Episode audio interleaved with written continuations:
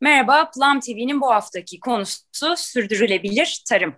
Bu konuyu görüşmek üzere üç değerli konumla birlikteyiz. Sevgili Itır, sevgili Bora ve sevgili Altar. Hoş geldiniz. Hoş bulduk. Merhaba. Çok değişik üç farklı alanda çalışan kişiyle birlikteyim aslında ama üçünün yaptığı şey bir noktada birbiriyle birleşiyor. Ee, yayınımızın başında aslında yayının altında biyografiler oluyor ama çok kısaca kendinizi tanıtmanızı rica edebilir miyim? Hanımefendiyle başlamak istiyorum. Beyler izninizle. Itır. Tabii çok teşekkürler. Ee, evet ben Itır. Bilgi Üniversitesi'nde öğretim üyesiyim. Ee, bir yandan da bir sivil toplum gönüllüsüyüm ve sosyal girişimciyim. Ee, Adım Adım ve Açık Açık adlı iki sosyal girişimin e, kurucuları arasındayım. İkisi de çoklu STK'larla çalıştığı için 120 küsür STK var. Ee, benim sürdürülebilirlik konusunda aslında düşünmeye başlamam e, onlarla beraber oldu. E, çok sayıda doğayla ilgili, cinsiyet eşitliğiyle ilgili e, sürdürülebilirliğe böyle 360 derece e, bakabilmemi sağlayan aslında birlikte çalıştığımız STK'lar oldu. E, ve e, çok sayıda kurumla, e, organizasyonla, üniversitemde de sürdürülebilirlik üzerine çalışıyorum. Kısaca böyle. Evet. Bir filozof olarak bunları yapıyor. Ha, estağfurullah. estağfurullah evet. Çok teşekkür ediyorum Itır katıldığın zaman ayırdığın için de. Ben teşekkür ederim. Ee, kime vereyim sözü? Sevgili Bora'ya mı vereyim? Sevgili Altar'a mı vereyim? Bora Bey devam etsin lütfen. Bora Bey'e vereyim. Peki teşekkür ederim. Ee, ben e, ben de ziraat mühendisiyim, tarım ekonomistiyim. Ee, uzun yıllar e, uluslararası kuruluşlarda görev yaptım. Dünya Bankası, FAO, Birleşmiş Milletler gibi çeşitli projelerde danışman olarak çalıştım. Meslek hayatımın belli bir alanında e, tarımın finansmanı tarafında Garanti Bankası'nda tarım bankacılığı birim müdürü olarak görev yaptım. Sonra döndüm dolaştım tekrar şu anda uluslararası kuruluşlarla çalışıyorum. E, ben tarımın birazcık politika tarafındayım. Yani e, genelde ziraat mühendisi dediğiniz zaman işte buna ne kadar ilaç vereceğiz, buna ne kadar tohum atacağız, buna ne kadar gübre vereceğiz gibi sorularla karşılaşıyoruz. Açıkçası o tarafları çok anlamam ben. Ama bunun ülke politikası açısından, bunun ekonomisi açısından ne anlama geldiğini, e, o konularda daha e, tecrübeli olduğunu söyleyebilirim. Ama şanslıyız ki bugünkü toplantıda Altar burada. Gerçek bir çiftçi olarak neye ne kadar ekeceğini, ne kadar ilaç atacağını bilen bir kişi burada. E, dolayısıyla ben sözü Altar'a devredeyim bu aşamada diye düşünüyorum. Teşekkür, Teşekkür ediyorum sana da. Altar? Özümcüm öncelikle davet ettiğin için çok teşekkür ederim. Ee, ben, ben de Bora'nın tam tersi ekonomi mezunuyum. Ama ziraatla uğraşıyorum. ee, uzun yıllar ben de özel şirketlerde çalıştıktan sonra e, 2011 yılında tarımla ilgili ne yapabilirim diye araştırmaya başladım ve 2012 yılında da Manisa'nın Gördes ilçesinde e, Ava çiftliğini kurduk. Bu bir aile şirketi, ailecek burada yaşıyoruz ve e, tarım yapmaya çalışıyoruz tüm zorluklarıyla, her türlü koşuluyla. E, bu şekilde başladık 2012 yılında. Yaklaşık 9 sene oldu. E, dediğim gibi elimiz çamurda, toprakta sürekli mahalle çalışıyoruz. Ne yani güzel. Ziraat mühendisi işin farklı tarafında, ekonomist işin farklı tarafında. Evet. E, oluyor öyle. Büyük... Hayat, hayat başka. Teori Türkiye, pratik farkı bir sürü şey Türkiye'deki var. Türkiye'deki en büyük sorunlardan bir tanesi ziraat mühendislerinin ofiste oturması, sahaya çıkmaması. Bugün yaşadığımız problemlerden bir tanesi de bu yani. Kesinlikle. Ee, onları zaten sizden ayrıca derinlemesine dinliyor olacağım. Altar'ın nasıl bir çiftçi olduğunu da ekonomiden çiftçiliğe geçişi de. Ee, başlığımız biliyorsunuz sürdürülebilir tarım. Ben öncelikle bu sürdürülebilir kavramını bir ıtırdan dinlemek isterim. Hani hepimiz de bir izleyiciler de bir anlasın. Nedir sürdürülebilirlik ıtır? Çok duyuyoruz ama acaba ne evet. anlama geliyor gerçekten? Yani ondan e, önce aslında benim bu kavramla nasıl tanıştım? E, benim de çok ilginç Olur. bir yolculuğum oldu. E, biz e, adım adımın ilk günlerinden itibaren birlikte yürüdüğümüz STK'lardan biri Buğday, Buğday Derneği. Hı. Ve ben e, çok şanslıyım ki e, Viktor ve Güneş'inle e, uzun yıllar e, birlikte çalışma fırsatım oldu ve ben sürdürülebilirlik, tohum, e, işte kurda kuşu aşa e, bunları Viktor'dan dinleme e, ve onunla öğrenme e, şansım oldu. Daha önce hiç e, aslında düşünmediğim e, kavramlardı bunlar. Bu ne zaman? 2000 6, 7, 8 oralardan başlayan e, bizim adım adımı kurma hikayemizle aslında buğdayla yollarımızın kesişmesi e, hemen e, o zamanlarda oldu. Ve tabii o süreçte işte tatutalar, e, oralara gidiyoruz, geliyoruz, tarım, turizm, takas, e, ondan sonra e, tohumlar için e, koşmalar, işte deli bezelye için, Osmanlı çileği için koşuluyor, onların görselleri yapılıyor. E, benim biraz e, bu açıdan e, tarıma bakmam e, öyle başladı ve kendimi hep çok şanslı e, hissettim. O yüzden buradan da sevgiyle, saygıyla e, Viktor'u anmak istiyorum.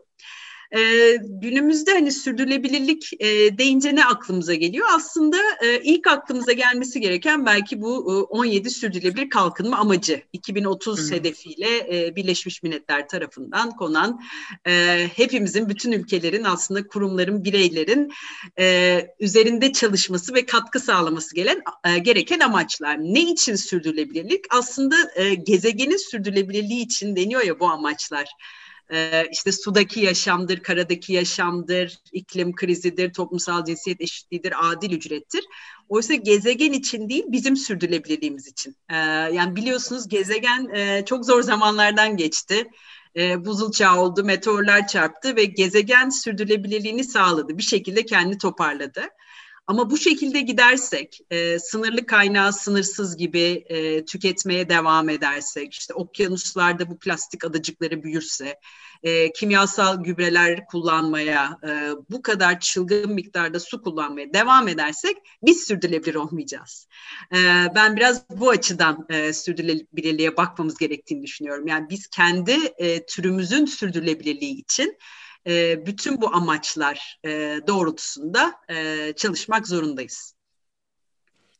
Anlıyorum. Yani şimdi seni dinlerken şey gibi bir şey oldu. Hani insanların bu kadar artık bu çok ciddi bir konu iklim krizi aslında uzun senelerdir konuşulan evet. ama bu Covid pandemiyle birlikte birazcık daha da aslında ön plana çıkan bir konu ee, ve insan psikolojisini düşündüm. Keşke dedim burada bir psikiyatrist, psikolog da olsa da hani sorsak yani bu insanların bu göçebe olayı nedir? Hani o Kızılderililerin evet. güzel bir sözü var ya aslında çocuklarınızdan ödünç aldınız burayı. Evet.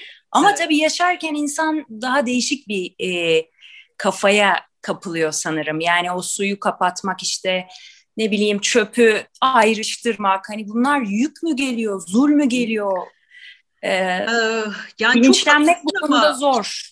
Yani Anladım. şu içinde bulunduğumuz durumda artık bu opsiyon değil. Yani bu bir zorunluluk. Değil, Çünkü evet. bir, bir buçuk dereceyi garantilemiş durumdayız. Yani bunun dönüşü yok. Ama daha fazlası e, bildiğimiz anlamda yaşamı tehdit edecek artık. Yani iklim göçleri başladı biliyorsunuz. Kuşaklar kaydı. Ekstrem doğa olayları yaşıyoruz. İşte bu okyanustaki plastik adacıkları felaket. Biyoçeşitlilik çılgın bir hızda azalıyor. E, ve artık bu hani yapsak da olur, yapmasak da çoktan geçti. Ee, o yüzden yani e, hani gözümüzü kapayacağımız, duymazdan geleceğimiz bir durum artık kalmadı ve bu kendi sürdürülebilirliğimiz için e, çok kritik. Ve şunu da çok kısa ekleyeceğim. E, aslında ne kadar dezavantajlı, kırılgan bir grupsak e, o kadar da sert etkileniyoruz. Yani kentlerde yaşayan, e, işte klimaları olan insanlar belki e, ne var canım bir buçuk derece ısınsa ben e, ondan sonra gıdayı biraz daha pahalı alırım, klimamı daha çok açarım deyiveriyor. veriyor. E, ancak e, mesela Sahra Altı Afrika'ya e, gitmiştim ben. Oradaki sürdürülebilir kalkınma projeleri var. Onları takip etmek için. E, orada ekstrem bir doğa olayında evler darmadağın oluyor. Zaten e, yeni başlayan tarım e, olduğu gibi gidiyor ve açlık söz konusu oluyor. E, o yüzden hani bunu da görmezden gelmeyerek yani kırılgan grupların zaten sosyal dezavantajlı grupların çok daha sert etkilendiğine e, ve onların yaşadıkları bölgeler yaşanamayacak hale geldikçe de e, kuzeye doğru iklim göçlerinin artacağını ve bunu hepimizin etkileyeceğini e, düşünmemiz ve e, görmezden gelmemiz gerekiyor. Artık böyle bir lüksümüz kalmadı sanırım. Evet, e, genelde zaten dünya böyle ama şimdi bu pandemide de aşı söz konusu olunca biliyorsunuz e, gelişmemiş veya parası yetmeyen fakir ülkelerin aşılanma oranı ne kadar düşük. Halbuki bu global bir şey. Ama sanırım çok zenginler etkilenmeden yani zengin varlıklı ülkeler veya bilmelerine rağmen en çok bilgi onlarda olmalarına rağmen bir eyleme geçilmesi hani böyle bir niyetler ediliyor işte Paris anlaşmaları imzalanıyor bu sene Kasım'da 2020'de Glasgow, 2021'de Glasgow var bildiğim kadarıyla. Biz iklim krizi de çektik öyle bir söyleşimizde de bunları işledik ama e, bilmiyorum tabii değişik insanların e, neden yani hani bir fırtınada camları parçalanana kadar herhalde önlem almamaya veya işte suyu bol kullanmaya veya işte çöpü öğütmemeye, arıtmamaya e, devam edecekler diye düşünüyorum. Bilmiyorum. E, ben e, ümitli değilim bu konuda nedense çok optimist bir yapı olmama rağmen yaşamadan bazı şeyleri anlamadıklarını düşünüyorum. Çünkü insanların ne kadar ziller çalsa da. Ama umarım bir şeyler olur, bir mucizeler yani, olur. Mesela bir açıdan da e, aslında farkındalık arttı özüm. Öyle de bakabiliriz. Yani pandemide hani benim de sürekli takip ettiğim bir alan olduğu için yani daha sorumlu evet. tüketim, işte atı e, kaynağında ayrıştırma, e, ben bunu neyin pahasına alıyorum? Yani bu gıda da olsa, tekstil de olsa bunun için kim ya da ne, hangi canlı, gezegen ne kadar zarar gördü? Hani bu soruları e, çok daha fazla sormaya başladık. Yani orada da ben bir umut görüyorum açıkçası. E, çok Ama seviniyorum. E, orayı da merak ediyorum. Onlar nasıl görüyor? Yani, yani ben durduğum yerden e, umut görüyorum biraz bu, aslında. Ben burada Itır'ın e, yani kendi, ben ziraat mühendisiyim. Biraz önce de söylediğim gibi yani 30 evet. yılı aşkında bu mesleğin içerisindeyim. E, belki de hayatımda kendimi en değerli hissettiğim dönem pandeminin başı oldu bir anda bir sürü yerden bizlerle temas edip işte e, böyle bu tip canlı yayınlara girip işte neden işte Tarım TV'de işte bu tedarik zinciri, tarım neden önemli? Her yerde tarım konuşulmaya başlandı. E, bu tabii bir farkındalık yarattı. İşte biraz önce sen programın başında bahsetmiştin. Tarım nedir diye. Evet. Tarım nedir diye sorunca aslında toprak ve su kaynaklarını kullanıp altar gibi müteşebbislerin iş gücünü kullanarak bir e, bitkisel veya hayvansal üretimde bulunmasıdır kısaca. Tarım budur. Ama senin bu üretim üretim e, faktörlerinden en temel olanlarını kaybetmeye başlarsan toprak ve su gibi istediğin kadar müteşebbis ol, istediğin kadar yeterli iş gücüne sahip ol, sen bir şey üretemezsin. Şu anda dünyamızın ve Türkiye'nin yaşadığı en büyük sıkıntı bu. Şu anda Türkiye son 15 yılda 2,5 milyon hektar tarım arazisini çeşitli sebeplerden kaybetmiş durumda. Tarımda çalışan nüfus büyük şehirlere çok hızlı bir şekilde göç ediyor. Ortalama yaş tarımda çiftçi dediğimiz grubun yaş ortalaması 55 oldu. Şimdi 55 yaşında bir iş gücüne sahip bir e, müteşebbis ve ondan sonraki gelecek nesiller bu işi sürdürmezlerse kim üretecek? Kim bunu şehirlerdeki o milyonlarca insanı besleyecek üretimi kim karşılayacak? Bu soruların cevapları çok önemli. Pandemi bize şunu gösterdi. Acaba ne doğru? 20 milyonluk bir şehirde yaşamak mı doğru? Yoksa birer milyonluk, 500'er binlik küçük kasabalarda, şehirlerde yaşamak mı daha doğru? E, ve onu yönetmek, e, o, o, o, o gruptaki insanları e, beslemek birçok açıdan daha kolay oluyor. Şimdi çeşitli politikalar uygulamaya çalışıyor ülkemiz. Özellikle genç nüfusu kırsalda tutmaya çalışıyor. Ama şu ana kadar başarılı olduğu söylenemez. Çeşitli e, programlar başlattı. Genç genç çiftçiyi destekleme programı, e, işte e, bunlara çeşitli maddi ve e, şey olarak yani hem maddi hem de e, nakdi, evet çeşitli destekler sağlayarak e, orada e, üretime devam etmesini sağlamaya çalıştı. Ama ne yazık ki e, göç halen devam ediyor. E, pandemide bir ilgi uyandığını biz gördük. E, o dönemde e, bugüne kadar e, hiçbir şekilde e, ülkemizi yönetenlerin ağzından tarımla ilgili bir öncelik duymadığımız dönemde o gün o günlerde şunlar söylendi. Bir metrekare yer bile olsa işleyeceğiz. Boş arazi bırakmayacağız.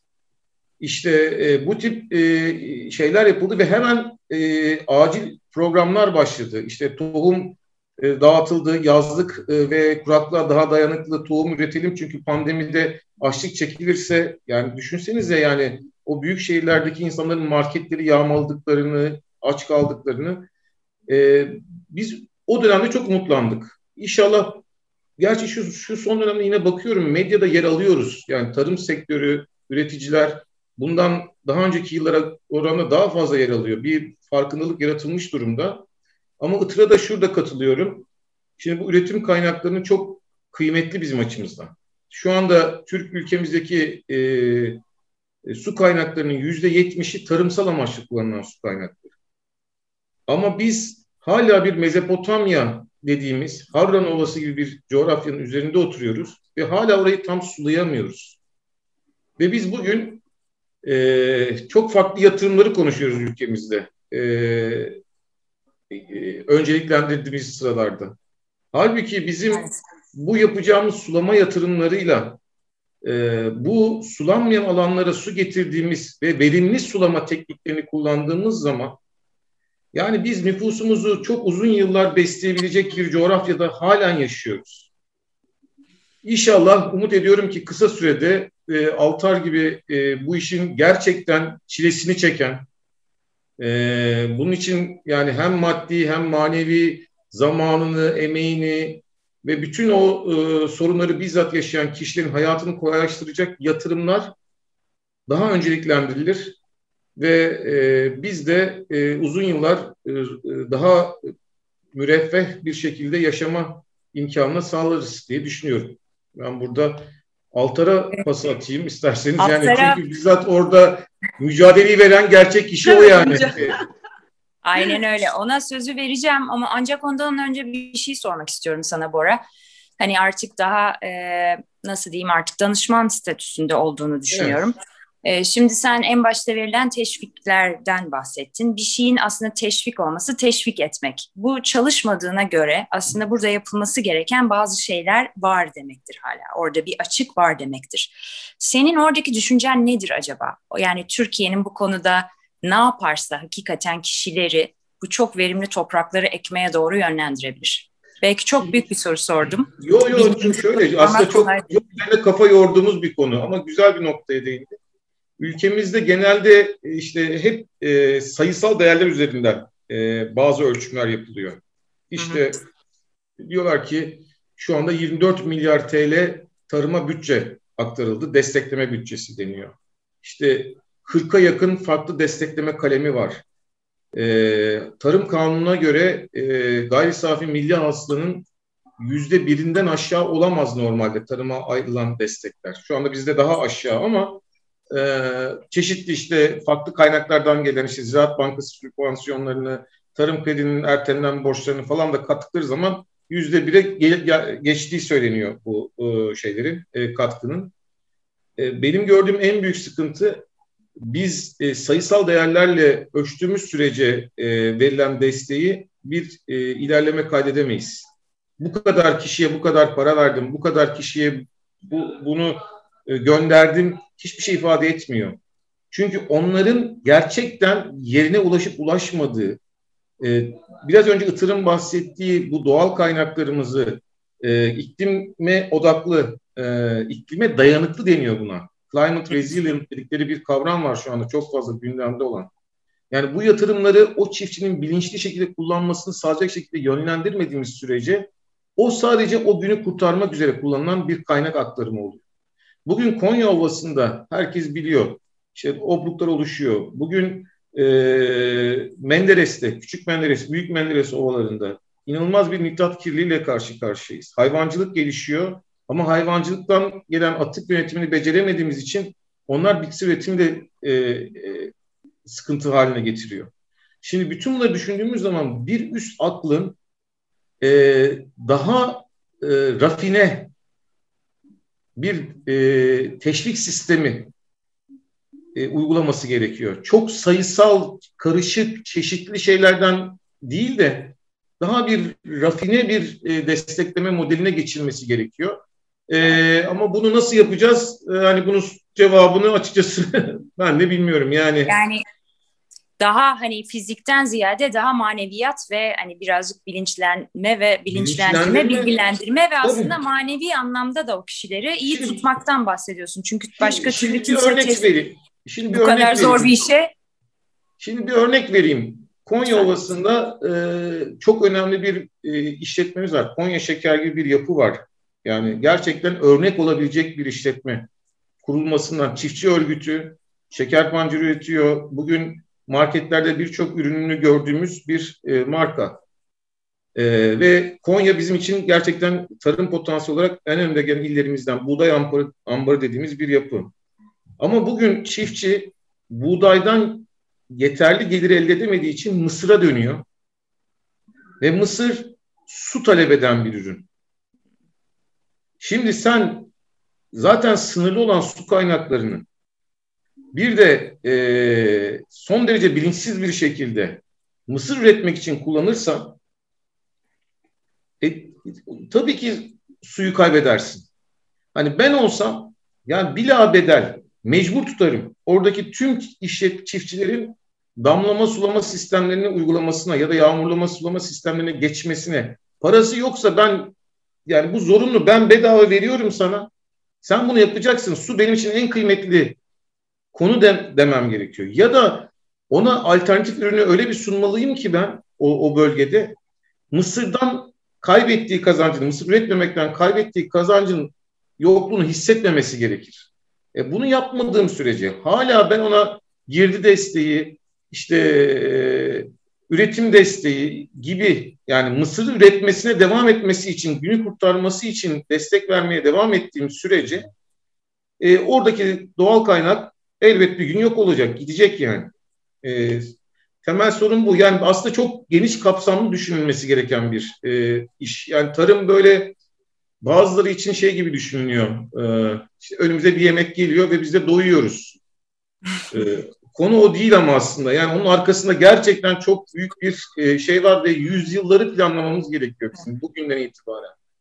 E, inşallah becerebiliriz. Altar'a sözü vereceğim heyecanla ben de hani gerçek pratikteki kişinin de ne yaşadığını kahramanlara vermek lazım. Heyecanla bekliyorum ama senin anlattıkların da tabii kafamda çok ciddi meraklar uyandırıyor.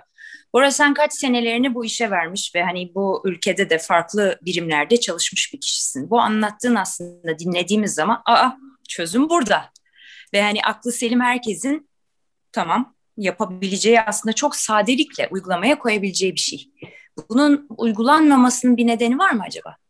Popülizm en kolay şey. Yani şu anda yaklaşık e, tarımda istihdam edilen nüfus 5.3 milyon. Ülkemizin yüzde 16'sı civarında bir nüfusun yüzde 16'sı halen tarım sektöründe istihdam ediliyor. Yani 5,5 milyon fiili bunu aileleriyle beraber tap, e, eklediğimiz zaman ciddi bir nüfus popülasyonu var. Bu kadar göçe rağmen. Şimdi bu popülizm e, çok kolay bir şey. Yani e, hatta e, yönetilmesi de çok kolay bir şey. Yani verirsin e, istediklerini e, o gün istediğine ulaşırsın. Ama eğer bir e, uzun vadeli bir program yapmazsan o günü kurtarırsın. Evet. E, ve biz çözümü hep yanlış yerlerde arıyoruz. Yani bugün e, mesela işte bu gıda enflasyonundan bahsediliyor. Ülkemizde yüzde 29'a gelen bir gıda enflasyonu var günümüzde. Gerçekten yani inanılmaz hızlı artıyor bu gıda enflasyonu. Evet. E, ve sorunu biz aracılarda arıyoruz. İşte orada aracı var, burada tüccar var, burada e, gerçi şimdi kızacak bana Altar. Onun yaşadığı bir problem var bu konuda da. e, ama asıl sorun aracılar aracılarda değil. Aracılar bir boşluğu doldurmak için orada. Yani onlar bir fonksiyonu yerine getiriyorlar. Biz onların yerine adam gibi üretici birliğini, kooperatifi koyamadığımız için onlar bu, o arada duruyorlar. Ve biz aslında hala üretemediğimizi, yanlış üretim yaptığımızın farkında değiliz. Hep sorunu başka yerlerde çözmeye çalışıyoruz. Ee, bunları yani söyleniyor, anlatılıyor, aktarılıyor ee, ama neden olmuyor bilmiyoruz. Yani. verdin cevabını bence gayet e, nazik bir şekilde. Teşekkür ediyorum Itır ve Bora. Şimdi sözü çiftçimize vermek istiyorum, sayın çiftçimiz. Önce Altar, yani sen çok kısaca eminim çok e, uzun bir hikayedir ama biraz hani burada süremiz de kısıtlı olduğu için olabildiğince kısa ve heyecanlı tabii heyecanını yitirmeden anlatmanı rica edeceğim. Nasıl oldu da bu kararı aldın? 2007 yılında e, organik tarımla bir e, ilişkim oldu. Ben hep e, profesyonel hayatımı satış üstüne gerçekleştirdim. Satış birimlerinde çalıştım, satış direktörlüğü yaptım. E, bu organik tarımın da bir yerinden ucundan yakaladım. Şimdi mal satmak istiyoruz, malı satıyoruz fakat yerine gelecek malı bulamıyoruz. Biz önden malı satıyoruz fakat arkası gelmiyor gibi bir durum oldu. Bunun üzerine ben kafa yormaya başladım. Ya burada bir sıkıntı var vesaire. Bu arada ben organik tarım yapmıyorum. İyi tarım uygulamalarını e, evet, dinleyeceğim. yapıyoruz. e, üretim yapıyoruz. farkı. e, ya dedik bir dakika bu e, tarımda talep var ama doğru insanlara doğru şekilde ulaştırılamıyor. Burada bir boşluk var, bir eksiklik var. Onun üzerine işte çalışıp ne üretebiliriz, ne yapabiliriz, katma değerli ürün olur, ne olur vesaire diye e, düşündüğümüz zaman e, 2010 yılında başta da bahsettiğim gibi ya tamam bir dakika ben artık e, şehirden uzaklaşıp bu tarafa geçiyor olmam gerektiğine e, inandık eşimle beraber ve bunu projelendirdik. 2011 yılında da e, HES'lere karşı olan bir insan olarak HES'i olan bir firmada iki buçuk ay dayanabildim. E, istifa ettim ondan sonra. Ve e, tamam dedim ben artık hiçbir şekilde profesyonel çalışmayacağım. Toprağa dönüyoruz. Burada bir şekilde hayatımızı idame ettireceğiz deyip ailemiz de sonuna kadar bu projeye destek verdi. E, 2012 yılında başladık. O zamandan ee, bu zamana da o arada o arada bana geldi e, Altar. Ben de o, o günkü e, biliyorsunuz böyle büyük şehirde yaşayıp kurumsal hayatta yaşayan böyle bir hayalleri vardır. Küçük bir Ege kasabasına yerleşip işte o kadar fazla insan o sıralarda geliyordu ki ya senle mi Altar dedim ya bir git Allah Ondan sonra ama beni mahcup etti yani açık söyleyeyim. Ee, yani keşke herkes Altar kadar e, kendisini bu işlere adasa. Ben o zaman da kendisine söylemiştim. Orada yaşamadığın sürece, başında durmadığın sürece uzaktan kumandayla bu iş olmaz demiştim. O da bir dakika olsun, bir gün olsun çiftliği boş bırakmadı açıkçası bugüne kadar 9 yıldır. Biraz gönül işi galiba çiftçilik. Yani birçok işini iyi yapan insan gönlüyle yapan insan zaten orası net de. Hani bu çiftçilikte e, sen anlat Altar. İşte hayvanlar var. Çok güzel anlatmıştın e, kolumuzda çünkü. İşte doğum oluyor. Lütfen sen anlat. Seyircilerimiz de dinlesin senin ağzından. Bu Özümcüm senin de dediğin gibi bu yani bunun içine doğmamış insanlar için e, çok severek ve aşkla yapılması gereken bir konu. Bu işin romantik tarafı ve hani biz çiftlikte yaşıyoruz vesaire dediğimizde bütün herkes bizi işte üstümüzde e, Hawaii tişörtleri, ayağımızda filip filop terlikler, elimizde e, üzümden üretilmiş, fermente edilmiş bir içecekle beraber e, sürekli hayatımızı bu şekilde geçiriyoruz zannediyor. Hani bunu Aa e, öyle geçirmiyor muydunuz? Tabii tabii. Ayda kaç kere yapabiliyorsun diye sorarsan o ayrı bir konu. Bu Ama Antalcığım insanları nasıl teşvik edeceğiz böyle birazcık lütfen çizerek anlatalım bunları. Buradaki Bak, önemli Bora olan... uğraşıyor burada teşvik diyor. Itır Buradaki... orada şeyler falan. Açık açıklar e... bir sürü STK. Neyse, Bu arada ben, şey ben de bir adım adım gönüllüsüyüm. Ee, yaklaşık 6-7 senedir birlikte koşuyoruz Itır'la birlikte. Ee, bazen yan yana bazen o çok daha iyi koştuğu için önden gidiyor. Estağfurullah. Bazen de Zoom bağlantısıyla şeyde, tabii, tabii, aynen. pandemi de öyle. Telefon bağlantıları, Instagram bağlantıları. ee, Bora'nın bu ilk bölümde anlattıkları bütün her şeyin altına imzamı atarım. Ee, ben de aynı şekilde. Onun anlattıklarına ben küçük küçük örnekler vereyim. Örnek hı hı. vereyim. E, bu Konya'daki su ile ilgili veya tüm Türkiye'deki e, su yönetimi veya yönetilmemesiyle ilgili. Bizim bu bölgede 60-80 metrede su çıkarken şu anda 200 metrelerde su çıkıyor. Bu önümüzdeki 10 sene sonra 400-500-600 metrelere inecek ki Konya Ovası'nda şu anda 600 metrelerdeler ve su bulamıyorlar. Siz 500 metrenin altına indiğiniz zaman fosil suyu kullanmaya başlıyorsunuz. Yani nasıl hmm. fosil yakıt petrol 500-600 metrenin altındaki su da fosil su diye tabir ediliyor. Biz o artık o suları kullanmaya başladık. Ee, bunun çok ivedi bir şekilde önlemi alınması gerekiyor. Ee, Konya Ovası'nda buğdaydan vazgeçiliyor, sılaja, e, mısıra yöneliyor. Mısır da hani yemeklik mısır veya sofralarımıza koyduğumuz mısırdan bahsetmiyoruz. E, genetiğiyle oynanmış tamamen hayvan yemi yapılması üzere elde edilen bir ürün. E, onun sistemi tamamen farklı. Ya o mısırı da bu yünden yani oturup da haşlayalım, közleyelim veya konserve yapalım dediğimiz mısır değil. Hayvansal üretim için kullandığımız mısır. Ona da gerek var. Onun da yapılması gerekiyor ama bütün bunların hepsi kontrollü ve sistemli bir şekilde ve planlı bir şekilde yapılması gerekiyor. Ee, teşvikler, destekler, şimdi ben de belli oranda destek alıyorum. Ama e, benim aldığım destek benden nasıl diyeyim çok daha düşük veya çok daha e, yakın eş değer bir buğday üreticisinin aldığı desteğin aynısını alıyorum. Buğday Hı. üreticisi yılda maksimum 30 gün çalışıyor. Ben 10 ay çalışıyorum. Rakam olarak ona da 10 birim ödüyor, bana da 10 birim ödüyor. Benim aldığım 10 birim benim bir aylık mazotumu karşılamıyor. Ne? Niye? Ben üzüm üretiyorum veya zeytin üretiyorum. Şimdi burada bir dengesizlik var. Zaten e, Bora'nın dediği de çok doğru. Önden para veya işte ektim para falan kesinlikle olmaması gerekiyor. Üreteceksin, en iyi kalitede üreteceksin ve satacaksın. Sattığını da belgelendirirse ona teşvik vermesi gerekiyor.